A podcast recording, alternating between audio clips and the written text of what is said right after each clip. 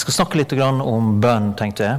Og gå gjennom en del tekst rundt dette. Og ja, Mange kan vi lure på hvorfor. Hvorfor skal vi be? Hvorfor legger Bibelen så mye vekt på det? Hvorfor, eh, Hvis Gud er så stor, Gud er så mektig, hva er poenget med at vi skal søke Han, at vi skal eh, be, eh, osv.? Men den, den, åndelige verden er veldig reell. Og mange ganger ble jeg nesten eh, hva jeg si, overraska, eller overrumpla, over hvor reelt det er. Så hvilken, eh, hvilke krefter som er i sving i denne verden. Altså Det står at denne verden er under, i den ondes vold. Altså det er, det er på en måte en, virkelig en kamp mellom det onde og det gode. Mellom Guds rike og Satans rike. Og Da leser vi igjen og igjen i Skriften at Gud har valgt å virke gjennom meg og deg for at Hans rike skal gå fram her på jorden. Eh, jeg snakka nettopp med en, eh, en leder som var en vanskelig situasjon fordi at han opplevde at han var kommet under et voldsomt personlig angrep. Og visste nesten ikke om han hadde kraft og mot til å kunne fortsette i det kallet og det oppdraget som Gud hadde gitt ham. Og når han fortalte liksom de hendelsene, hva som var skjedd, så eh, så skjønte det, eller så slo det meg det at wow Dette er ikke men, menneskelaget. Eller fienden bruker også menneske, men det er orkestrert. Altså det var så koordinert. Eh, på en måte angrep på hans liv for å prøve å spille han ut. Og eh, Så vi har en fiende. Men, og vi har en stor Gud. Som vi, jeg og du skal lære oss å samarbeide med. Fordi at Paulus han sier det at be når han, I Efeserbrevet 6 så snakker han om den åndelige kampen vi står i. At vi ikke har en kamp mot kjøtt og blod, men makter og myndigheter. Åndskrefter som, som vi møter i, i, himmelrommet i denne verden. Og da sier han det Be til enhver tid i ånden. Med all bønn og påkallelse.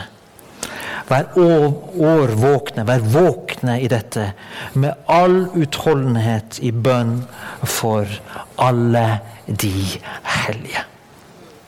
Så Skriften sier det at vi skal be for og med hverandre til enhver tid.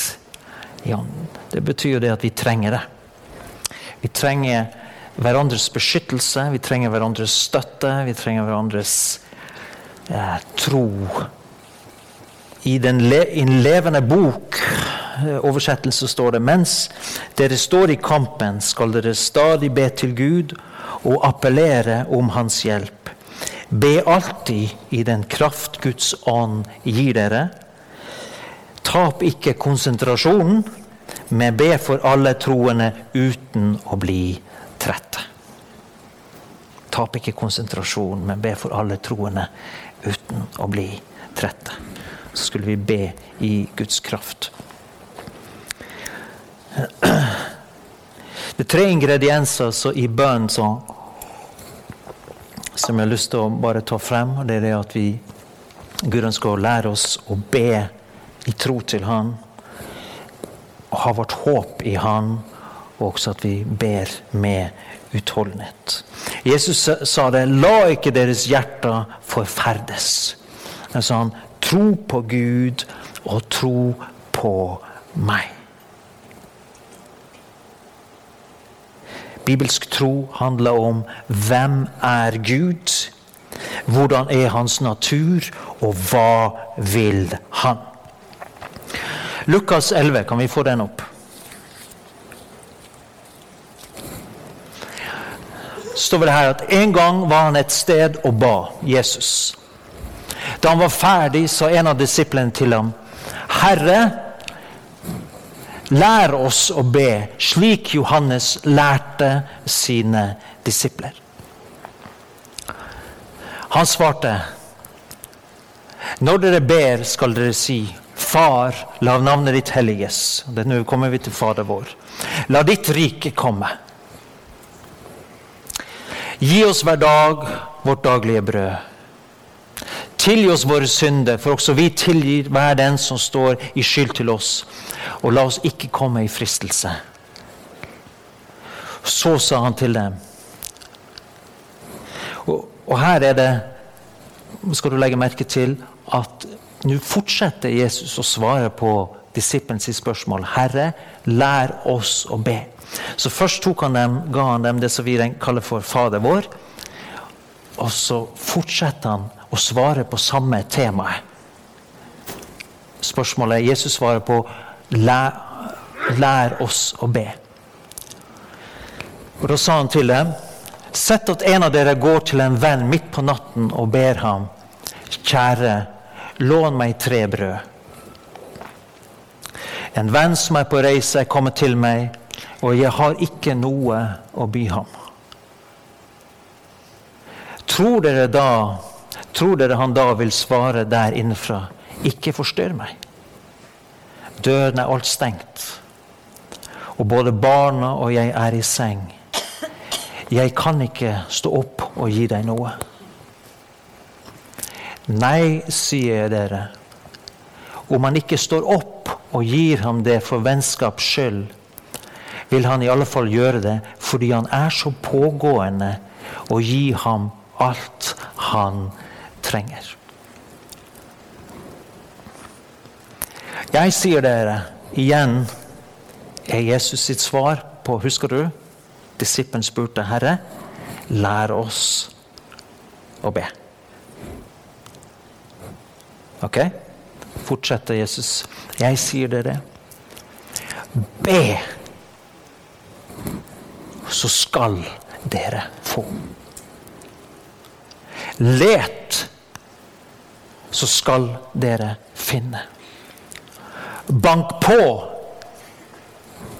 så skal det lukkes opp for dere.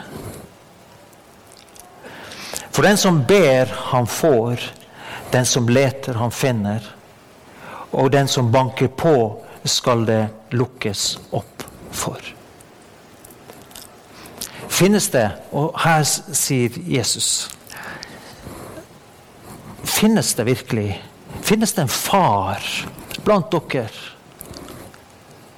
som vil gi sønnen sin en orm når han ber om en fisk. Det er en merkelig sammenligning. Hva mener du, Jesus? Ja, Han sier det. Tenk nå på dere sjøl. Fins det noen av dere som vil gi sønnen sin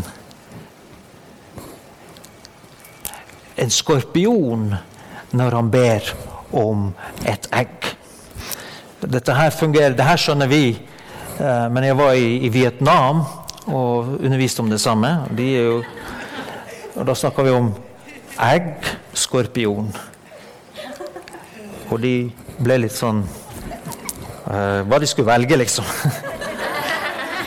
ja takk, skorpion. Men Jesus setter opp kontraster her.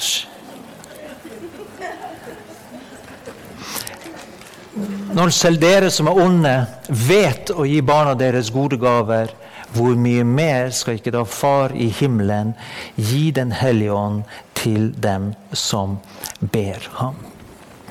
Det er ganske merkelig at Jesus bruker en historie om en som ber om brød hos naboen sin. Men vi vet fra at, at jødene hadde eh, på en måte regler for seg sjøl. Så det å, å, spørre en nabo om å låne brød, det var legitimt. Det var ok å gjøre. Og, og, det var også sånn at Hvis noen hadde lånt brød hos deg, så hadde du ikke lov å be om å få det tilbake igjen, i hvert fall innen 30 dager. Når det var gått 30 dager, så kunne du eventuelt spørre om å få brødet tilbake igjen.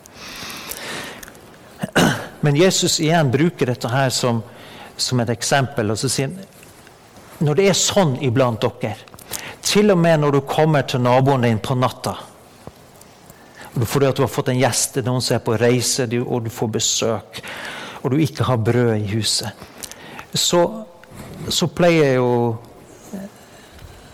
så kan du gå til naboen din, selv om han har lagt seg, selv om ungene ligger og sover, selv om han ikke har lyst i det hele tatt å stå opp fra senga si, gå gjennom den kalde gangen, gå inn på kjøkkenet, ut med brødskuffa, finne fram brød til deg, du din uforskammede som kommer midt på natten.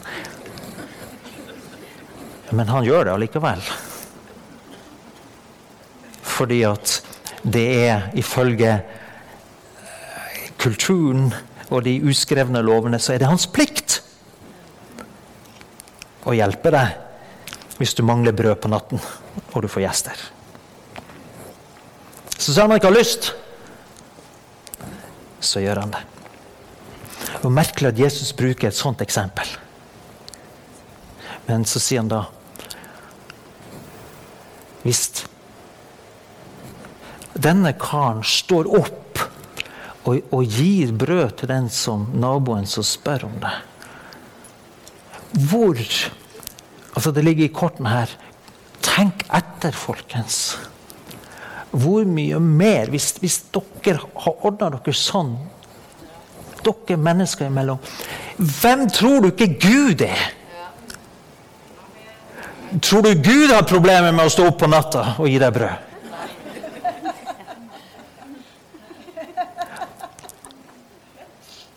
Tror du Gud blir sur og fornærma fordi at du står der på døra, himmelens dør, og banker og vil ha brød? Nei. Ja, men Hvis dere har ordna det sånn imellom dere, sier han, hvordan tror dere ikke er med min himmelske Far? Tror du at du får stein hvis du ber om brød? Tror du at du får en skorpion hvis du ber om et egg?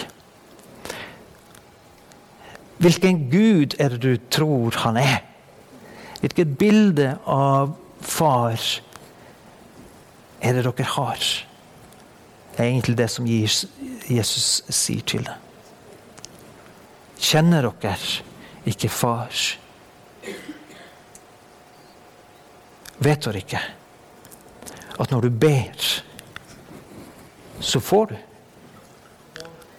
Vet dere ikke at når du leter, så kommer du til å finne.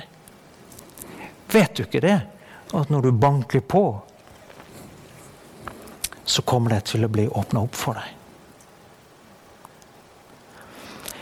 Så jeg tror jeg, Disiplene, når de hørte på dette, så stakk det dem i hjertet. Fordi de kjente på sin egen vantro. De kjente på sin egen liksom at uh, de stilte litt spørsmål med Guds karakter.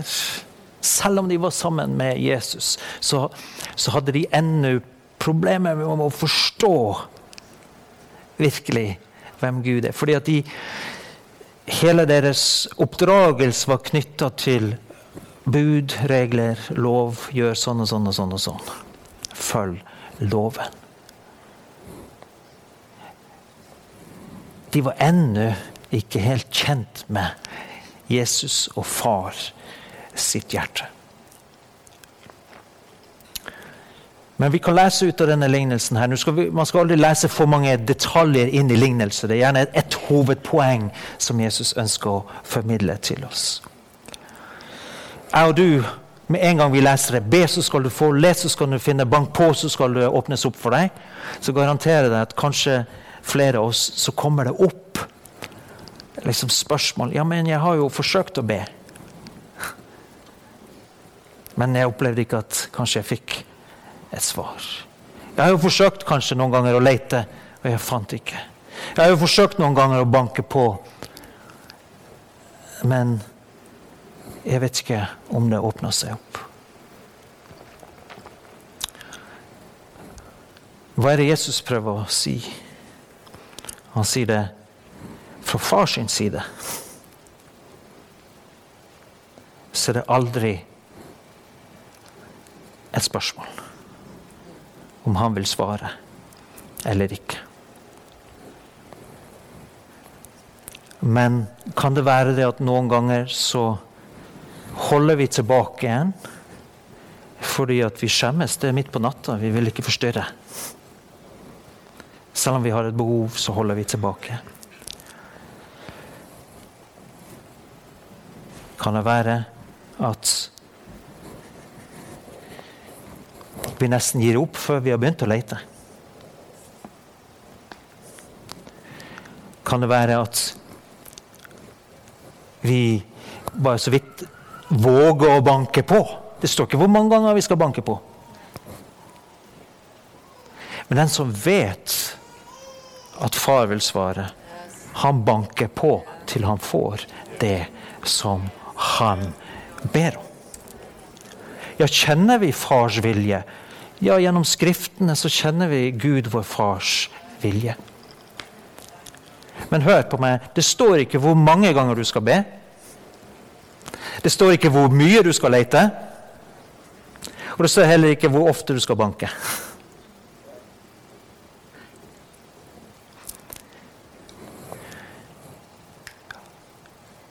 Tror at Jesus ønsker å si oss noen ting.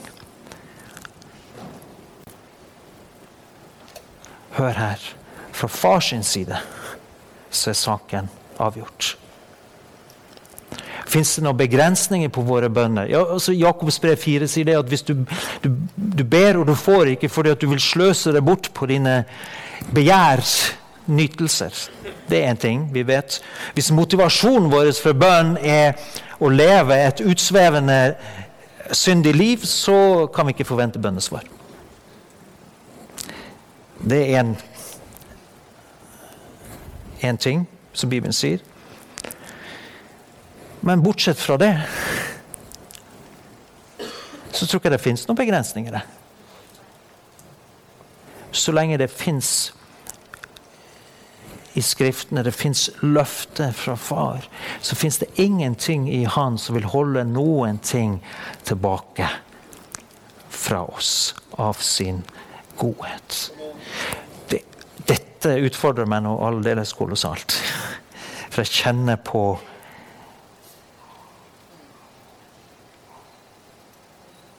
ja, min egen uh, tro, eller vantro, noen ganger. Men vet du hva?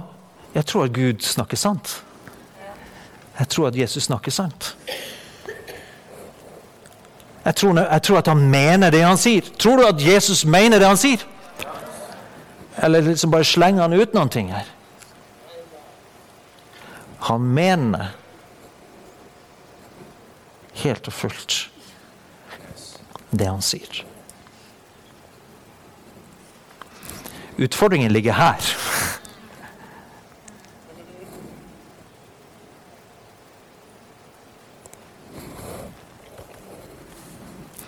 Skal vi gå videre til en, en annen lignelse. Uh, Lukas 18.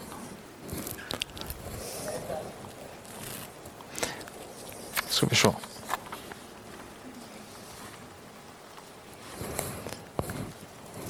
Har vi den?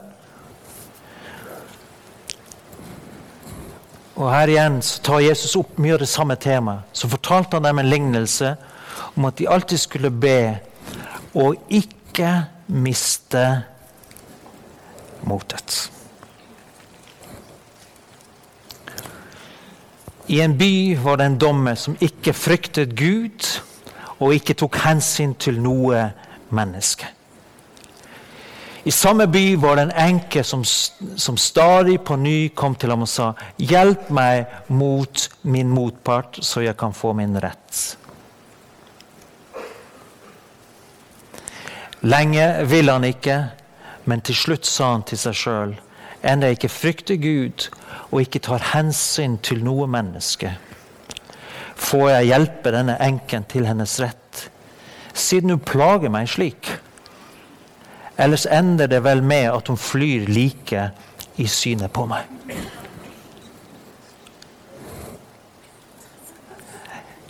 Folkens, det er Jesus som forteller denne lignelsen. Hvordan er det han uttrykker seg? Vi, ville, vi ville pakka det inn litt finere, har vi ikke det? Litt mer sånn vennlig, hensynsfullt. Ja. Og Herren sa, hør hva denne uhederlige dommeren sier. Skulle ikke da Gud hjelpe sine utvalgte til deres rett, de som roper til han dag og natt? Er han sen til å hjelpe dem? Jeg sier dere, han skal sørge for at de får sin rett, og det er snart. Men når menneskesønnen kommer, vil han da finne troen på, på jorden.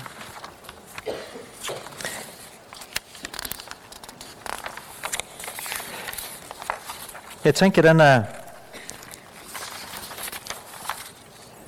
urettferdige dommen. Igjen så, så, gjør jo Jesus noe veldig merkelig. For han bruker jo et, en sånn kontrast for å få frem et, et poeng om hvem Gud er. Han snakker om en, en I Israel så var det sånn at selv i den minste by så Hvis det skulle felles dom, så skulle det være tre dommere. Og det var regler eller forskrifter om dommerne. De skulle være rettferdige, hederlige men anerkjente folket. De skulle være offentlig eh, på en måte innsatt som dommere blant folket. Det var standarden som skulle være i Israel. Men her bruker Jesus da et eksempel på en urettferdig dommer. Han sier, han sier det sjøl. Han er så på en måte eh, høy på seg sjøl at han sier det at 'jeg frykter verken Gud eller mennesker'. Så her var jo en diktator. En uh, psykopat som hadde tatt makten i byen.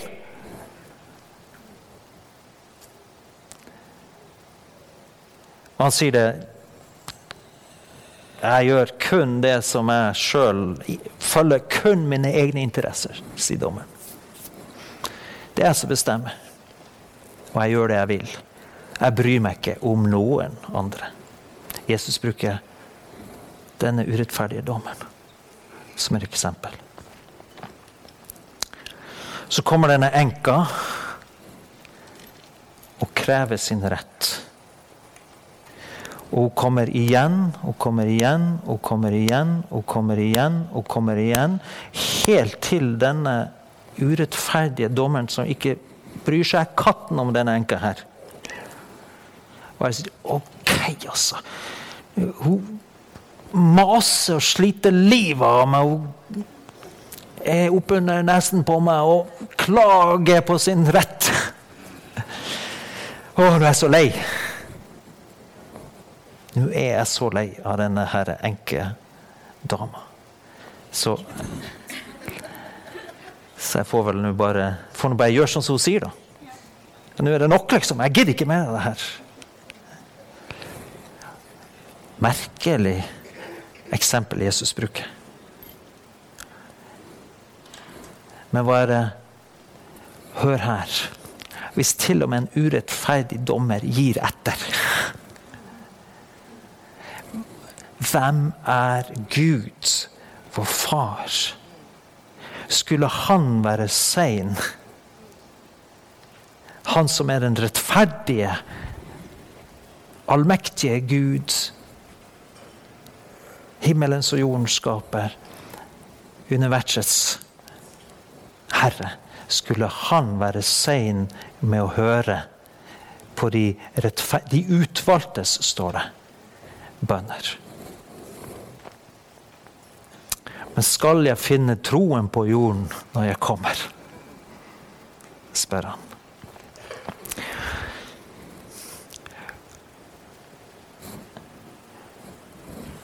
Så dette bruker Jesus for å virkelig stikke fingeren inn i meg og deg. Og så sier han det. Skjønner du ikke hvem far er? Når du påkaller han, påkaller hans navn, ber i tro til hans navn, utøser ditt hjerte, utøser din smerte, utøser det er den kampen som du står i. For vi står alle sammen, kjenner vi mer eller mindre på I ulike faser av livet så kjenner vi at vi må fighte for livet vårt. For det er en, en urett som pågår. Og da, da lærer Jesus oss det at når du ber natt og dag og holder fast ved hvem far er, så kommer han garantert til å gi deg din rett. Selv om det fins motstand på det. Selv om det fins urettferdige dommere. Så kommer du til å få din rett. Bare ikke slutt. Hadde denne enka slutta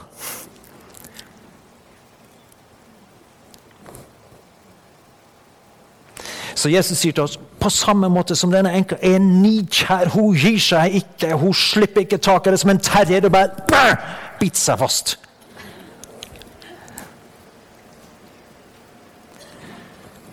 Så skal du være 100 sikker på det når du utøser ditt hjerte for din far i himmelen.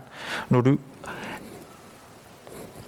kaster all din tvil, din fortvilelse, din tro, din Alt det som pågår. Du kaster det på han, og så sier du 'Jeg tror at du, Gud, du ender opp med Jeg takker deg, Gud, for at du er den du har sagt du er.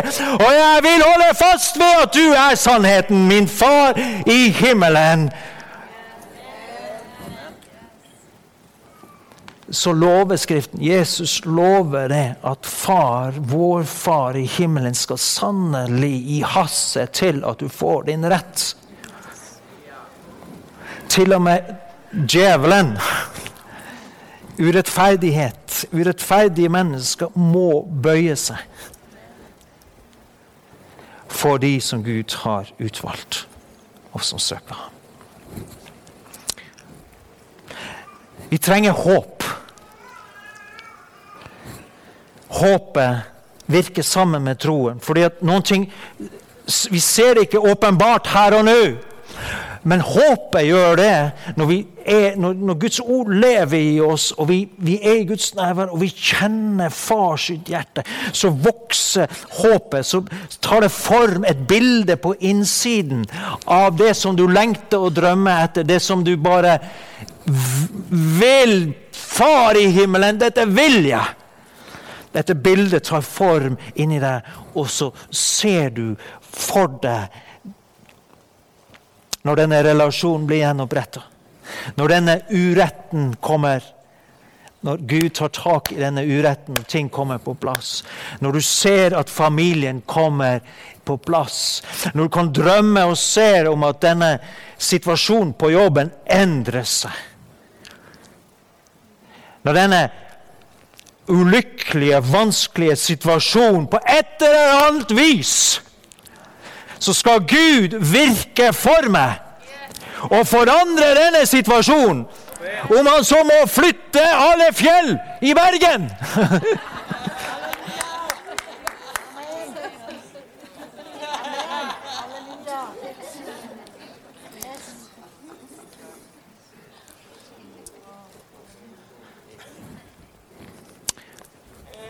Så slipper vi ikke taket i det som vi er blitt overbevist om.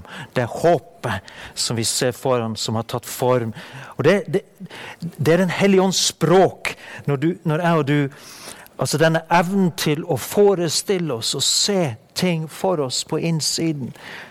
Når Den hellige ånd får ta tak i det og forme, og vi drømmer og vi ser et bilde om hvordan Hva som framtiden skal bringe, så gir det bensin. Energi. Det, det gjør at troen holder fast. Og så står det om Abraham at gjennom tro og utholdenhet så fikk han løftene oppfylt for hans del når det gjaldt det aller viktigste i hans liv, å få en sønn. Isak. For hans del tok det 25 år. Noen, noen ganger så opplever jeg at, at, ting skjer umiddelbart. Når jeg var nå nede i, i, eh, i Suleimania, det er en, en, stor by da, nede i Nord-Irak, så, så så var jeg sammen med en eh, medarbeider, tolk, sjåfør, og han er ikke troende.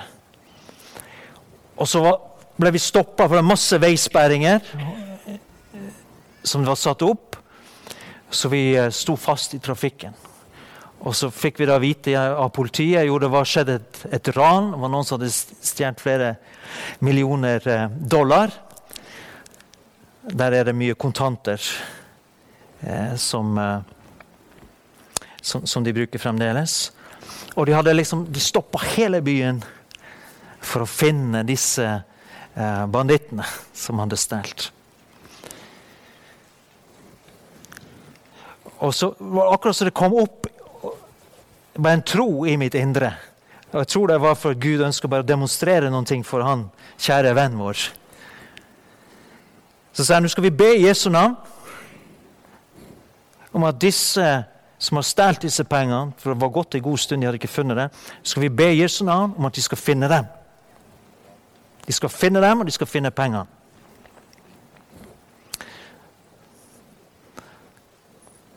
Og han så jo forskrekka på meg. Så sa jeg i Jesu navn så befaler disse pengene å komme til rette, og jeg til dere eh, politi, hemmelig politi, dere skal finne dem i Jesu navn. Gud, vis dem hvor de er hen!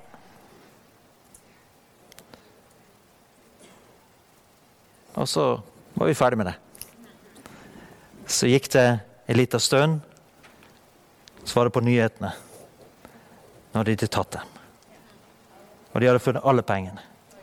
Ingenting var, tapt. Da tenkte jeg Yes, Gud. Takk for et kjapt svar.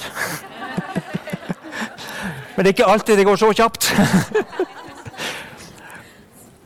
Men like fullt så er far den samme. Og hans ord står fast.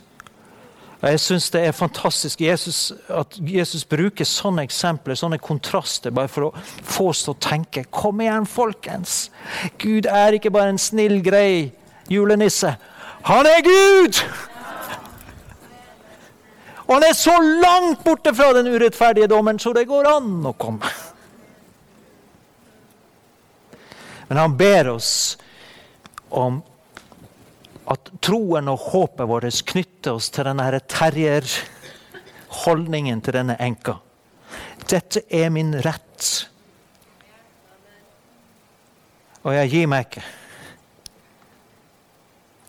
Og Det kan gjelde våre egne liv, men det kan også være på vegne av andres menneskers liv.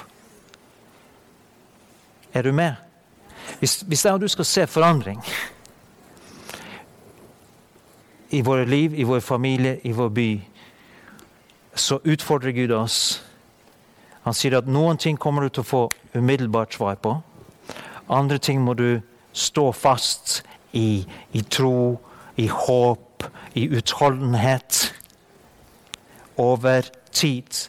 Men når vi gjør det, vi ber og vi tror og vi forkynner og vi bekjenner og vi står fast, så virker Gud. Han forandrer menneskets hjerte. Han endrer på omstendigheter. Han, om så skal være, flytter på fjell, som jeg sa. For at du og jeg skal se det gå i oppfyllelse, det som han har lovt. Fins det noen enker her inne? Ikke fysisk, men åndelig talt. Jeg tror det. Dette gjelder oss alle sammen. Og jeg tenker at vi skal, vi skal avslutte nå med å eh, Det kan være at det er noen av dere som er i situasjoner hvor du, du vet at her er det det er helt umulig. Det kan, I det naturlige så kan ikke dette endre seg. Det ser ut som det er noen, noen med makt, autoritet, som står deg imot. Men det fins en med høyere autoritet. Og jeg har lyst til å be for deg og med deg og sammen med deg. Kan vi gjøre det?